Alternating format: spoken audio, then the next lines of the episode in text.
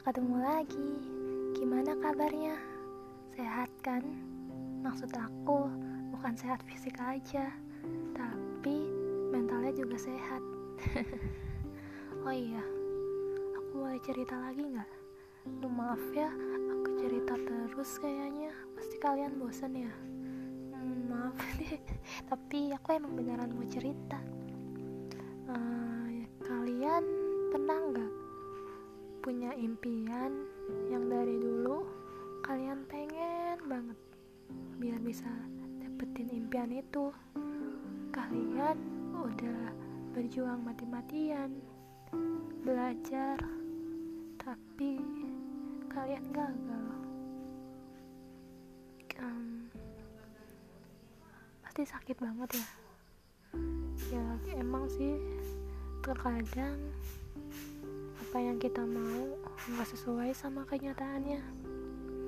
Mungkin itu yang terbaik ya. Tapi aku dua kadang masih belum bisa nerima. Kayaknya setiap apa yang aku inginin susah banget gitu dapetnya. Bahkan mungkin ya maaf kalau aku suzon. Kalau teman aku yang mungkin usahanya menurutku gimana ya? Maksudnya nggak terlalu berlebih gitu usahanya tapi mereka tuh cepet banget bisa ngeraih impian yang mereka inginkan. Sedangkan aku tuh kan insecure lagi deh ah. Nggak tahu lagi gimana caranya.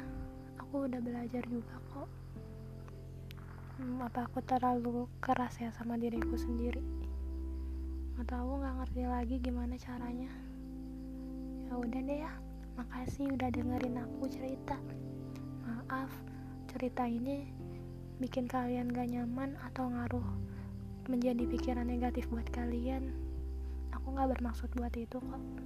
Aku cuma mau ngeluarin apa yang aku pengen utarakan. Ya udah selamat melanjutkan hidup. Semangat buat kalian semua. Kalian pasti bisa